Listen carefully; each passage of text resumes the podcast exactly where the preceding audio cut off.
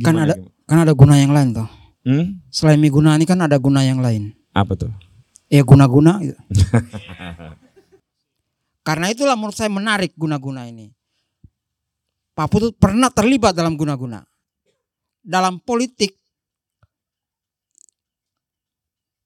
ekonomi politik, guna-guna itu dikerjakan oleh media massa. Dikerjakan oleh media sosial. Dikerjakan oleh kelompok buzzer yang diasuh oleh parpol dan perusahaan. Pernah kan?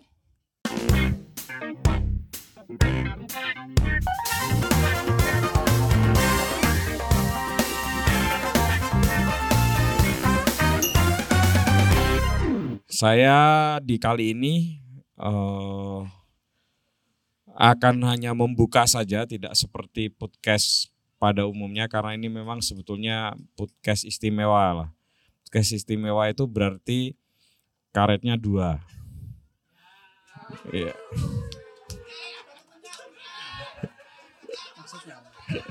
Itu guyonnya Pak SBY dulu ya. ya. Maklum, guyon apa bapak-bapak? Eh, jadi saya hanya akan membuka terus kemudian Mas Muhyiddin ceramah ya dan sebaiknya tidak ada tanya jawab. Ya, sebaiknya tidak ada tanya jawab. Karena ini pidato kebudayaan. Pidato ya pidato, ceramah enggak enggak formatnya tidak ada tanya jawab, enggak ada host yang bertanya apalagi peserta yang bertanya gitu. Jadi memberikan ruang sepenuhnya kepada saudara Muhyiddin M. Dahlan untuk mengeluarkan eh, sabda-sabda eh, semangkanya ya. Ijo kelihatannya tapi merah isinya. Ya.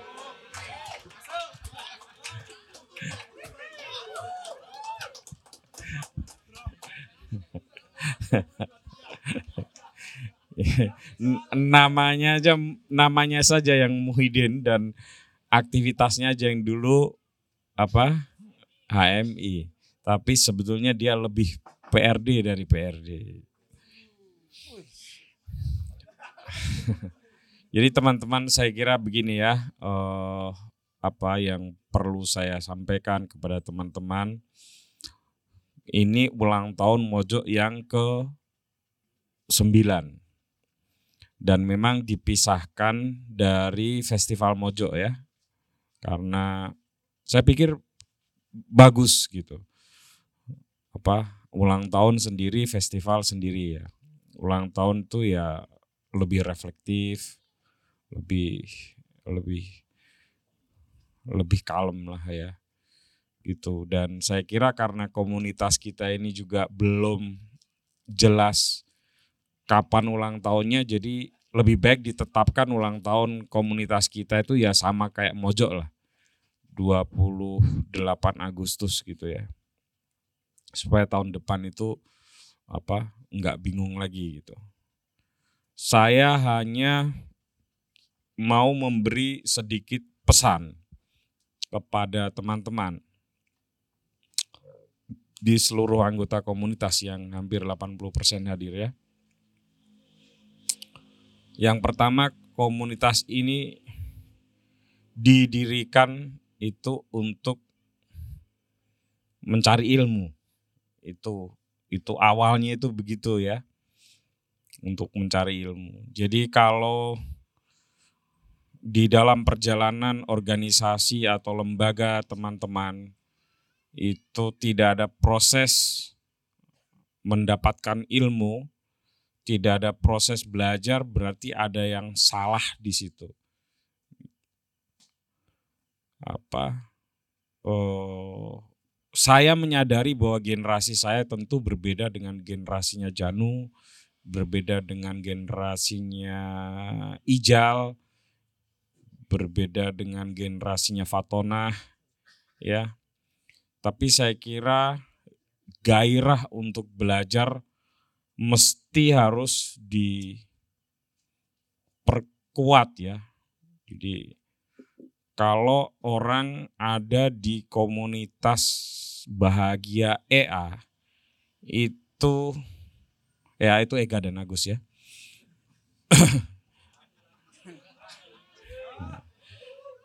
itu semangatnya bukan semata semangat untuk mencari uang, saya kira keliru sejak awal. Jadi harus ada semangat belajar. Karena eh, ya itu sejarahnya memang begitu. Satu, lalu yang kedua tantangan yang dihadapi oleh teman-teman ini nanti ya akan lebih berat daripada ketika komunitas ini didirikan. Di tantangan apa pun ya. Jadi kalau nggak ada gairah belajar, nggak ada gairah untuk menempa diri, saya kira hmm, ini sudah tidak punya alasan, tidak ada modus eksistensinya untuk tetap ada. Nah tentu komunitas dalam hal ini akan mencoba memfasilitasi semampunya ya. Jadi saya kira nanti saya sudah pesan kepada teman-teman, kepada Mas Modi ya, yang kebetulan master ya. Kita uji kemasterannya itu dalam membuat kurikulum-kurikulum untuk mencerdaskan kehidupan anggota komunitas. Kalau tidak, tapi itu kan hanya support saja ya karena pada dasarnya ya ke apa ya kemampuan dan keinginan teman-teman untuk belajar itu sendiri yang akan menempa teman-teman gitu. Saya sudah lama tidak ngomong tentang buku ya. Jangan sampai misalnya kita ini punya ke apa ya? keleluasaan ya, keleluasaan di dalam bekerja. Misalnya kayak teman-teman di buku Mojo ya punya keluasaan bekerja, bikin buku, tapi jangan sampai orang-orangnya nggak baca buku. Nah itu masalah berarti kan. Gitu. Ya, jadi nggak dievaluasi ini belum. jadi jangan jangan sampai begitu ya. Udah nyetak buku, bikin buku, orangnya nggak baca buku. Wah itu kira-kira kalau dibakar di neraka itu paling bawah itu nanti. ya. Demikian juga di Mojo ya. Kalau nggak ada aktivitas belajar mengajarnya ya tentu saja tidak baik. Itu itu pesan yang sangat kuat yang saya sampaikan dari dulu sampai sekarang saya tidak akan pernah bosan-bosan mengulang itu. Nggak apa-apa gitu. Nggak apa-apa karena ya memang harus begitu yang harus dilakukan. Lalu yang kedua menyangkut pembicara kita, calon penceramah kita ini, saya mau oh, tadi sudah diantar oleh Ungke itu formal itu. Tapi sebetulnya saya ada hal yang lain ya, kenapa harus Muhyiddin M. Dahlan yang mengisi acara ini. Di acara ulang tahun Mojo. Karena Jogja itu punya tradisi yang unik Ya, yang saya nggak tahu itu asalnya dari mana, ya Mas Muhyiddin. Selalu tersisa orang-orang yang mau tinggal di Jogja dan mau apa ya? Ya mungkin bahasa gampangnya membuat komunitas ya, tapi itu bahasa gampang karena nanti kalau debat soal apa itu komunitas berat itu perdebatannya. Tapi ada orang-orang yang seperti itu. Dan itu nggak tahu juga kenapa kok bisa selalu muncul iktikat seperti itu. Ya, lembaga-lembaga kecil atau komunitas-komunitas kecil yang selalu ada dari dulu sampai sekarang yang nggak tahu itu diwariskan karena apa? Secara sosiologis maupun psikososiologi saya juga nggak tahu. Tapi eh, apa yang dilakukan oleh Muhyiddin M Dahlan di selatan sana ya saya nggak tahu dia memilih ke selatan itu karena minder dengan saya atau gimana kan yang memilih di utara gitu nggak apa-apa Din ya. tapi saya kira ini ya pilihannya tepat karena selatan memang defisit intelektual jadi saya kira pilihan Muhyiddin untuk di selatan itu mewarnai dunia intelektual ya saya kira menarik. Masalahnya adalah di utara bukan defisit intelektual, defisit sumber daya manusia gitu. Itu lebih parah lagi. Nah, tapi saya orang yang optimistis, eh, teman-teman. kalau hal seperti ini nih nggak tahu juga ya, mesti di reset ya. Karena kemunculan misalnya seperti toko-toko buku indie ya yang di generasi generasi yang sekarang ya. Saya kira itu juga oh satu pergerakan yang lain yang mungkin agak berbeda dengan generasi sebelumnya gitu. Dan saya kira itu juga mewarnai khasanah intelektual oh, Jogja gitu. Karena itu saya merasa terhormat sekali oh, Mas Muhyiddin mau akhirnya ya dengan sedikit dipaksa akhirnya mau bicara di sini oh, sebagai tamu kehormatan. Ya untuk memberikan apa? Ya ceramah untuk memberikan suntikan-suntikan lah. Untuk memberikan agitasi-agitasi atau apa pun itu dan dia persiapkan dengan baik ya sampai ditulis. Saya kira eh, kita semua saya juga pengen menyimaknya karena ya saya juga rindu belajar yang baik ya yang yang menyenangkannya. Karena kelebihan Muhyiddin ini kan lebih galak dibanding saya gitu. Jadi dia kalau bikin workshop itu kan lebih lebih keren lah pokoknya. Di radio buku itu lebih keren tentu saja dibanding komunitas bahagia. Namanya beda. Di sini orang kan pengen bahagia jadi nggak sekeren warung arsip. Namanya kan ngeri warung arsip radio buku. Oh meneh oh, ini Migunani itu ini nanti panitia aja yang ini. Saya nggak terlalu ikut-ikut itu. Iya bisa. Enggak tidak semua hal saya harus ikut Migunani apa tuh mas? Migunani. Kalau nggak salah Migunani itu berguna. Ya, ini mau malah mau ngetes saya, tapi boleh nggak apa-apa. Kan ada gimana? kan ada guna yang lain tuh. Hmm? Selain Migunani kan ada guna yang lain. Apa tuh? Ya guna-guna gitu. Iya, iya, iya, iya, iya. Oke. Oh, udah dipersiapkan tuh memang guna-guna ya. Ya tapi ya inilah Muhyiddin M. Dahlan. Orangnya kalem tapi kalau memang intelektual yang berdarah-darah karismanya keluar itu. Ya silakan saudara Muhyiddin M. Dahlan kita kasih tepuk tangan deh. Terima kasih teman-teman sekalian. Saya mulai dengan menjawab tentang defisit selatan gitu. Jadi kalau disebut defisit selatan ketika hadroh dihadirkan di pembukaan ulang tahun Mojok itu kan tradisi kali opak. Pesantren kali opak. Jadi se seminggu sebelumnya ketika saya mengisi apa obrolan di Kali Opak itu ya dibuka juga dengan hadroh kayak gini sebelum membahas tentang bagaimana Muhammad Hatta memesan buku dari Banda Neira dipesan ke Polandia via Polandia tapi ke Berlin buku yang dia pesan adalah Des Kapital hanya untuk berdebat dengan tokoh PKI bernama Tan Lieng Ji tapi dibuka dengan hadroh jadi sebelum bahas diskapital, hadro dulu. Supaya aman. Itu dia. Tujuan cuma itu aja, aman. Jadi itu adalah semacam kalau di mobil itu apa? Ya. Karena topik hari ini adalah ulang tahunnya kan Migun, Migunani gitu kan.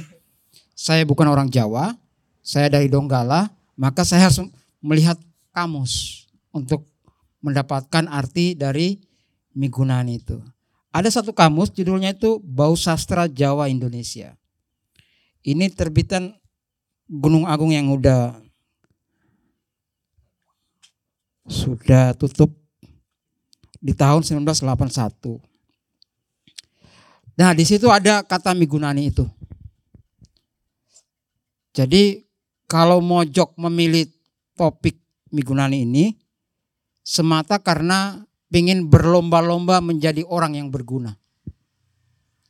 Tapi vibrasi Migunani itu keluar dia, nggak nggak internal dia. Dia harus berlomba-lomba baik kepada sesama gitu. Tapi kata dasarnya dia adalah guna. Di halaman 363 buku Bau Sastra Jawa ini berfaedah. Bagaimana berlomba-lomba orang untuk berguna kepada orang lain. Berfaedah. Tapi guna tidak hanya migunani. Jawa punya perbendaharaan yang sangat kaya tentang arti guna yang dari bahasa Kawi itu atau Jawa kuno itu. Guna yang ketiga karena udah guna, migunani, guna yang ketiga adalah kagunan. Kagunan itu ketika Kongres Kebudayaan di Magelang itu sering disebut. Dan rekomendasi kagunan di Kongres Kebudayaan itu adalah lahirnya Asri. Kagunan itu adalah sesuatu yang dicari oleh Jesu, James Supangkat. Dia bingung mencari estetika Nusantara gitu ya. Dia ke barat, ke Eropa, ke Amerika mencari sedemikian rupa selama 100 tahun. Ketika diskusi di sekolah pasca UGM, yang apa 100 tahun salah paham itu, Salah satu yang dia bahas itu adalah kagunan. Dia tiba-tiba merasa menemukan sesuatu yang selama ini dia cari. Yang ada di buku bau sastra ini. Kagunan. Ini sering disebut oleh Ki Hajar Dewantoro. Kagunan itu adalah uh, definisi paling lengkap tentang art. Makanya kagunan ini hanya ada di selatan. Pak Putut. Jadi bisa jadi defisit memang selatan itu. Tapi kagunan itu di sana. Apa yang dicari oleh Jim Supangkat itu? Jim. Jim. Nanti Jin kita bahas setelah ini. Ketika membahas guna dharma. Oh ada namanya gunaman juga. Kagunan itu adalah definisi paling lengkap tentang art. Karena di dalamnya ada hikmah kebudayaan, ada keterampilan, skill vokasi, dan ada keindahan. Itu yang disebut kemudian estetika. Jadi definisi paling lengkap tentang art di Indonesia ya kagunan itu. Yang ada kata gunanya. Itu yang ketiga tentang guna.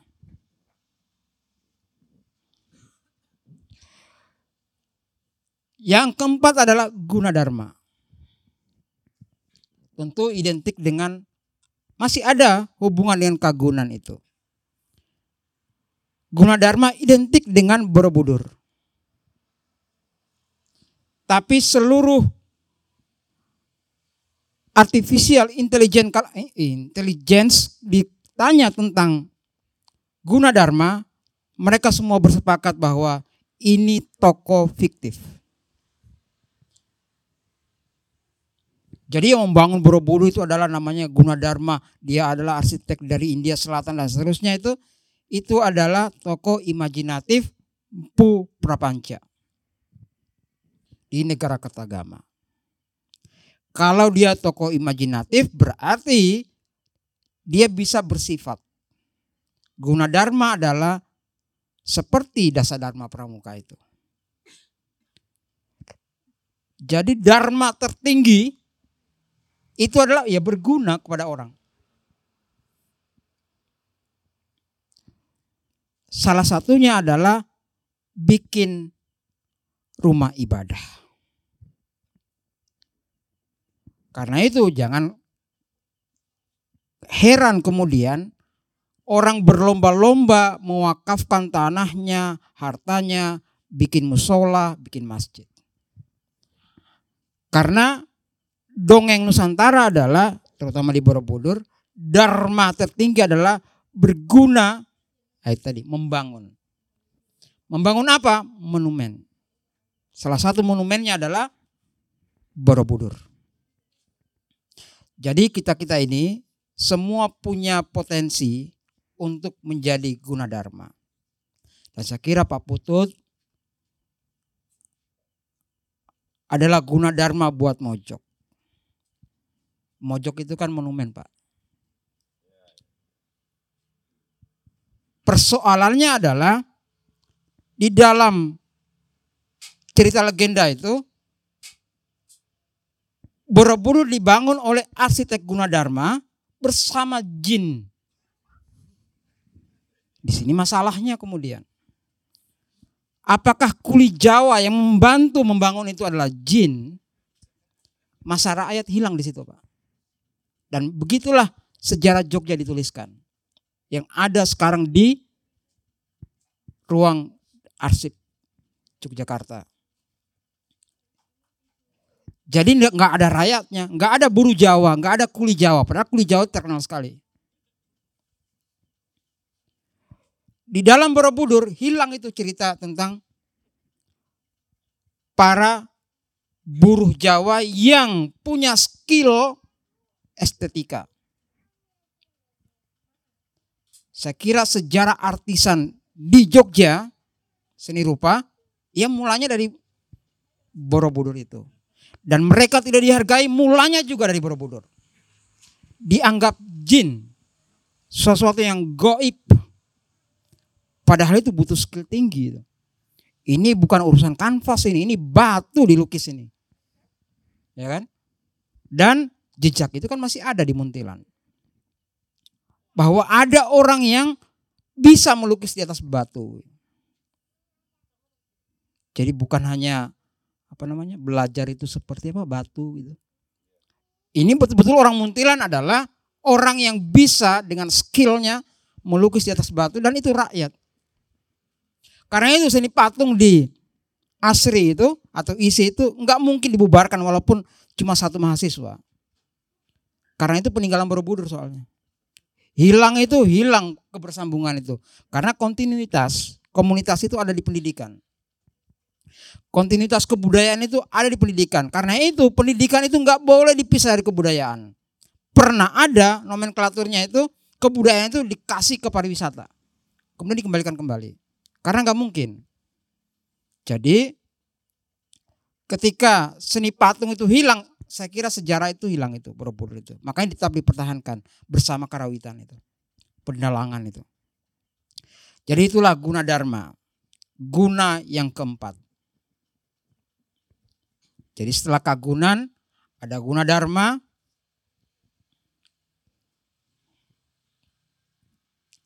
Lalu ada wiro guno.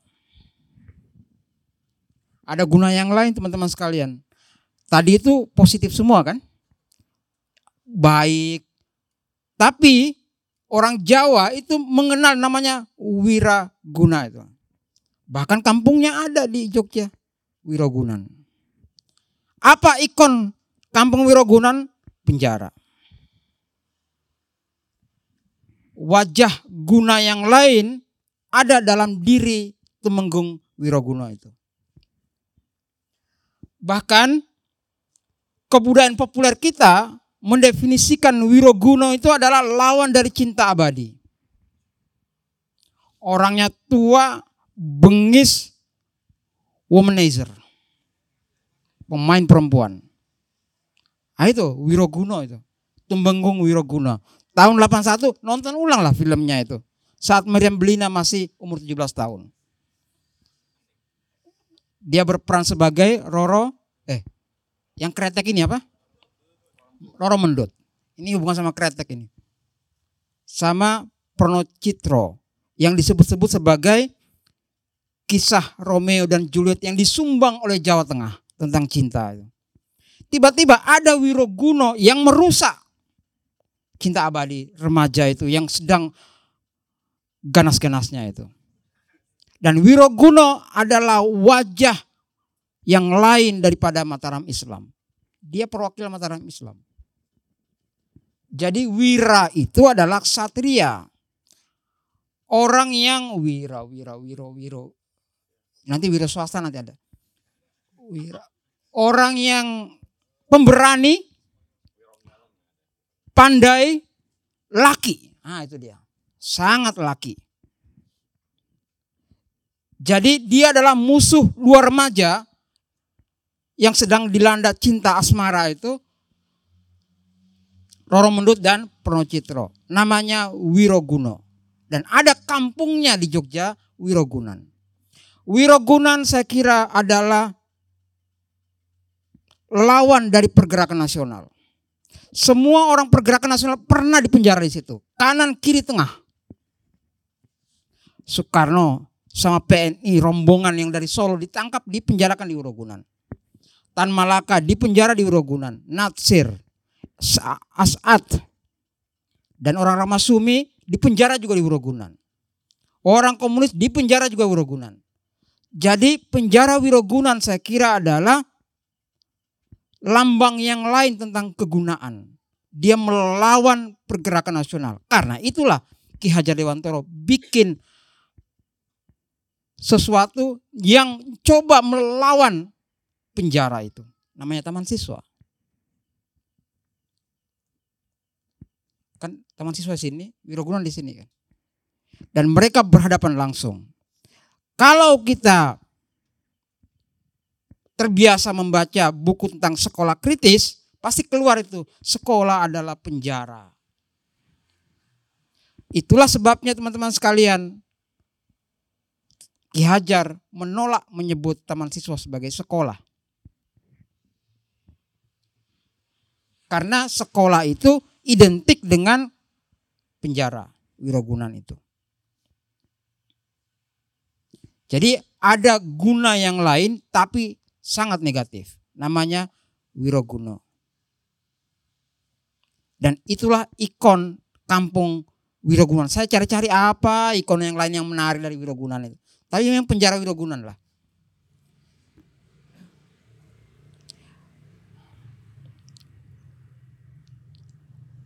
Itu yang kelima. Keempat, kelima Pak. Gunadarma yang keempat. Nomor enam adalah Gunawan. Di kamus ini Gunawan itu di bukan penulisannya itu di kapital semua. Beda dengan guna, beda dengan wira, beda dengan dharma. Ini di kapital semua. Gunawan itu. Artinya adalah Gunawan adalah banyak ilmunya. Jadi semua orang dinamakan Gunawan itu diimpikan dia punya banyak ilmu, pandai sekali. Dan kita punya Gunawan Muhammad. Mau tidak sepakat sama Gunawan Muhammad, saya bilang dia memang pandai sekali. Dia adalah ikon jurnalis Indonesia setelah 65 gitu. Dia juga punya monumen namanya tempo seperti Pak Putut ini. Insya Allah.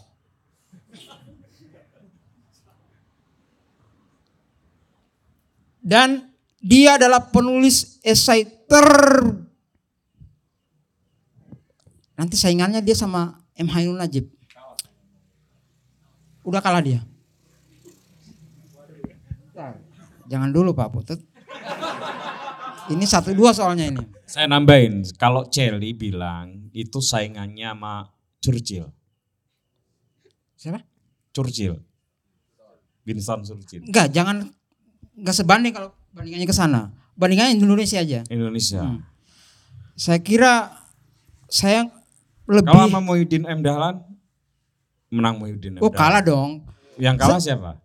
Gunawan Muhammad. Kita kalah semua. Oh, Anda kalah. Ya udah nggak apa-apa. Jadi Gunawan Muhammad itu Defisit ya berarti.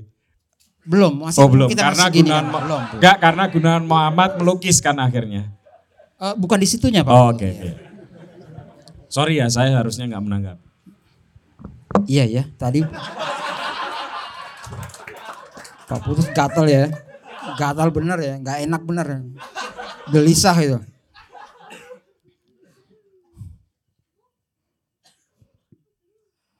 Dan saya kira Gunawan pada konteks ini adalah orang yang mudah belajar. Dia bisa belajar manajemen redaksi loh ya bisa bikin perusahaan gitu. Sementara jurnalis lain agak kurang gitu. Dia nulis esai, penyair juga, dan penulis naskah drama juga. Dan sekarang melukiskan, dan itu cepat sekali dia lakukan. Jadi guna yang ini adalah guna yang memang buat saya ya, itu layak untuk diteladani. Sebagai seorang pembelajar yang tidak pernah bosan belajar. Bahkan di usia tuanya dia belajar melukis. Mungkin bagi kita sudah terlambat, tapi dia tidak. Dia tetap melakukannya gitu. Nah, kemampuan dan motivasi seperti tokoh Gunawan ini, ini layak kita teladani. Gunawan, orang yang banyak ilmunya, pandai sekali menurut kamus bau sastra. Maka layak memang tokoh ini menyandang itu. Orang yang sangat pintar gitu. Yang ketujuh adalah tepat guna. Tepat guna ini adalah ini hubungan dengan teknologi.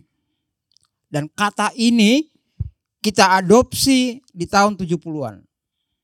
Baru muncul. Ini adalah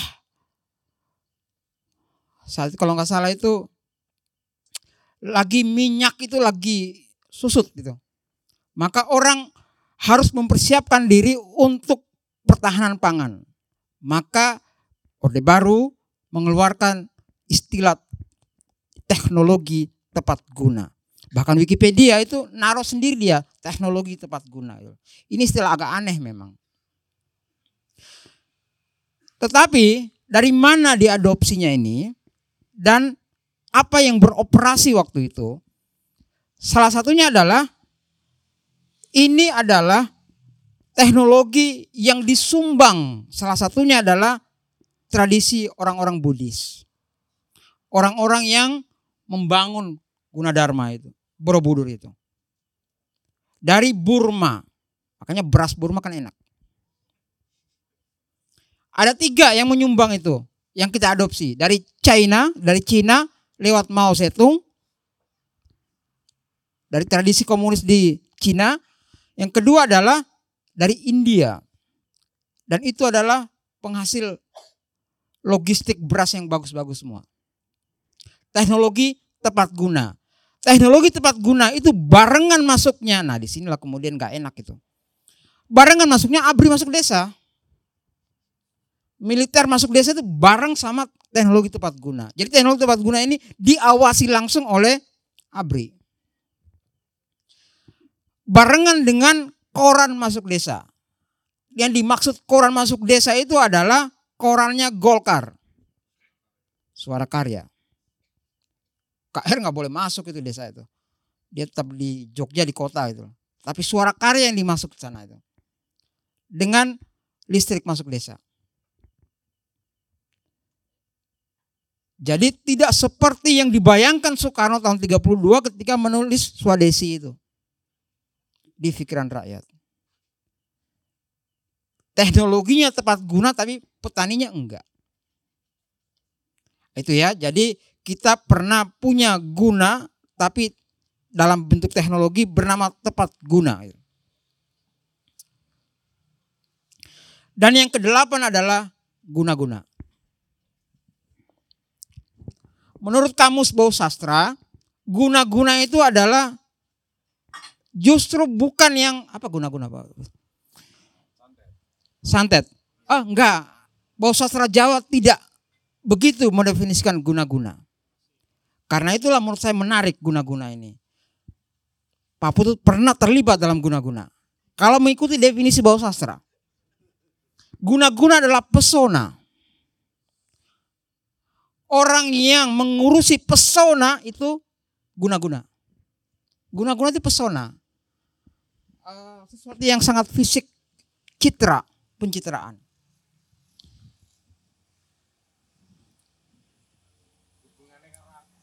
Nanti saya ada penjelasannya kan.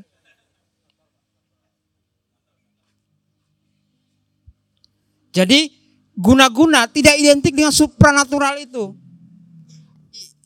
Dia identik dengan jampi-jampi, enggak. Pesona dia. Mempesona orang itu. Karena itu saya kira teman-teman sekalian, tawaran pesona adalah jantung dari semua industri. Nah itu dah. Saya sebut industri perdukunan modern.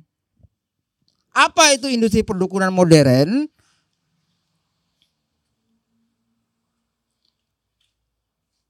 Yang sekarang ada make up. Itu bagian dari guna-guna. Mereka yang bekerja di industri itu, mereka ideologinya adalah guna yang bukan migunani tadi itu, tapi guna-guna menurut bau sastra.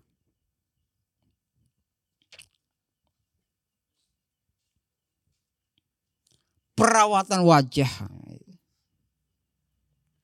Siapa yang motivator terkenal itu? Yang sekarang 5 miliar itu. Mario itu kan terlibat dalam guna-gunanya. Udah kena ini.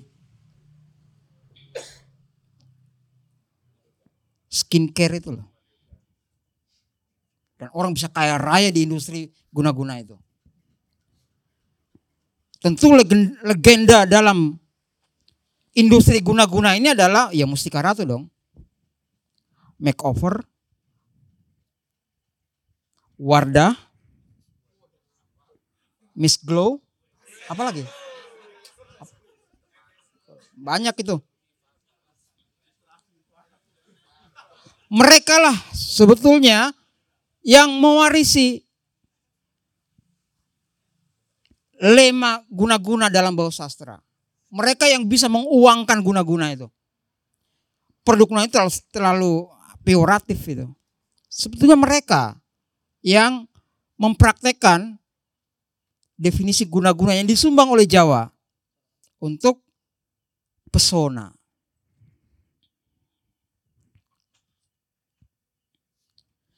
Selain mereka siapa lagi? Dalam politik, ekonomi politik, guna-guna itu dikerjakan oleh media massa. Dikerjakan oleh media sosial. Dikerjakan oleh kelompok buzzer yang diasuh oleh parpol dan perusahaan. Pernah kan? Pernah. Karena guna-guna itu tujuannya memanipulasi memang. Pesona tapi memanipulasi publik. Kesadaran publik. Dan itu real. Jawa menyumbang kata guna-guna. Untuk kita hari ini. Selain kata tumbak cucuan. Nanti ini agak dekat dengan istilah Jawa yang lain namanya tumbak cucuan mereka akan mempergunakan pesona ini selain itu tumbak cucuan. Tumbak cucuan itu adalah orang-orang yang mengadu sedemikian rupa itu namanya tumbak cucuan itu. Jawa punya istilah yang sangat bagus dan sangat mendalam. Nah itulah inti orasi kebudayaan di Sanata Dharma empat hari yang lalu oleh Romo Setio Wibowo tentang tumbak cucuan yang dikerjakan oleh kelompok media sosial, buzzer yang bekerja di sektor guna-guna ini. Maka teman-teman sekalian, jadilah manusia yang berguna. Manusia yang berdharma, dan pilihlah posisi dari guna itu seperti apa dalam kehidupan kita. Kan pilihan memang. Mau yang kedelapan sebetulnya ada satu lagi namanya agunan. Jaminan tapi udah nggak usah dibahas tentang agunan ini. Karena ini bagian dari identik dengan leasing nantinya. Pinjaman. Selamat ulang tahun untuk Mojok. Terima kasih. Migunani bisa menjadi guna-guna juga tidak menutup kemungkinan buat Mojok. Semuanya bisa dilakukan itu pilihan. Saya kira itu terima kasih banyak. Assalamualaikum. Terima kasih uh, Mas Mudin M Dahlan. Saya sebetulnya bisa mem Iya gitu ya. Tapi saya kira tidak fair ya. Karena beliau adalah tamu kita dan sudah memberikan pencerahan yang baik. Saya baru tahu beberapa lema itu ternyata beda dengan seperti yang saya pahami. Dan itu justru di udar oleh orang dari Donggala, bukan orang dari Jawa. Terima kasih sekali lagi, tepuk tangan. Saya kira itu saja teman-teman ya kalau yang karena ini waktunya sudah cukup malam ya dan cukup dingin sehingga sebaiknya saya kasih kepada uh, Ungkai. Tapi sekali lagi ya uh, gimana? Oh, cukup ya saya saya pikir dia mau nambah ini. Ya saya semoga apa teman-teman di Mojo dan teman-teman di komunitas di usia yang ke-9 itu bisa memilih guna yang nggak tahu yang ke berapa tuh.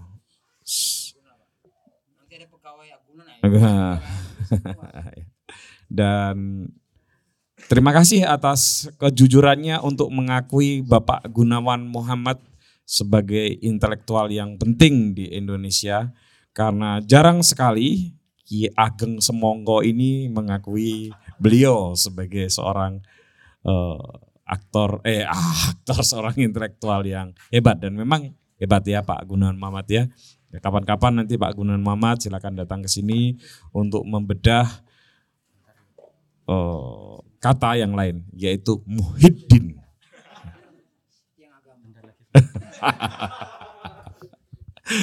Begitu. Oke, terima kasih teman-teman. Sekali lagi tepuk tangan buat Muhyiddin M Dalan dan silakan Oke.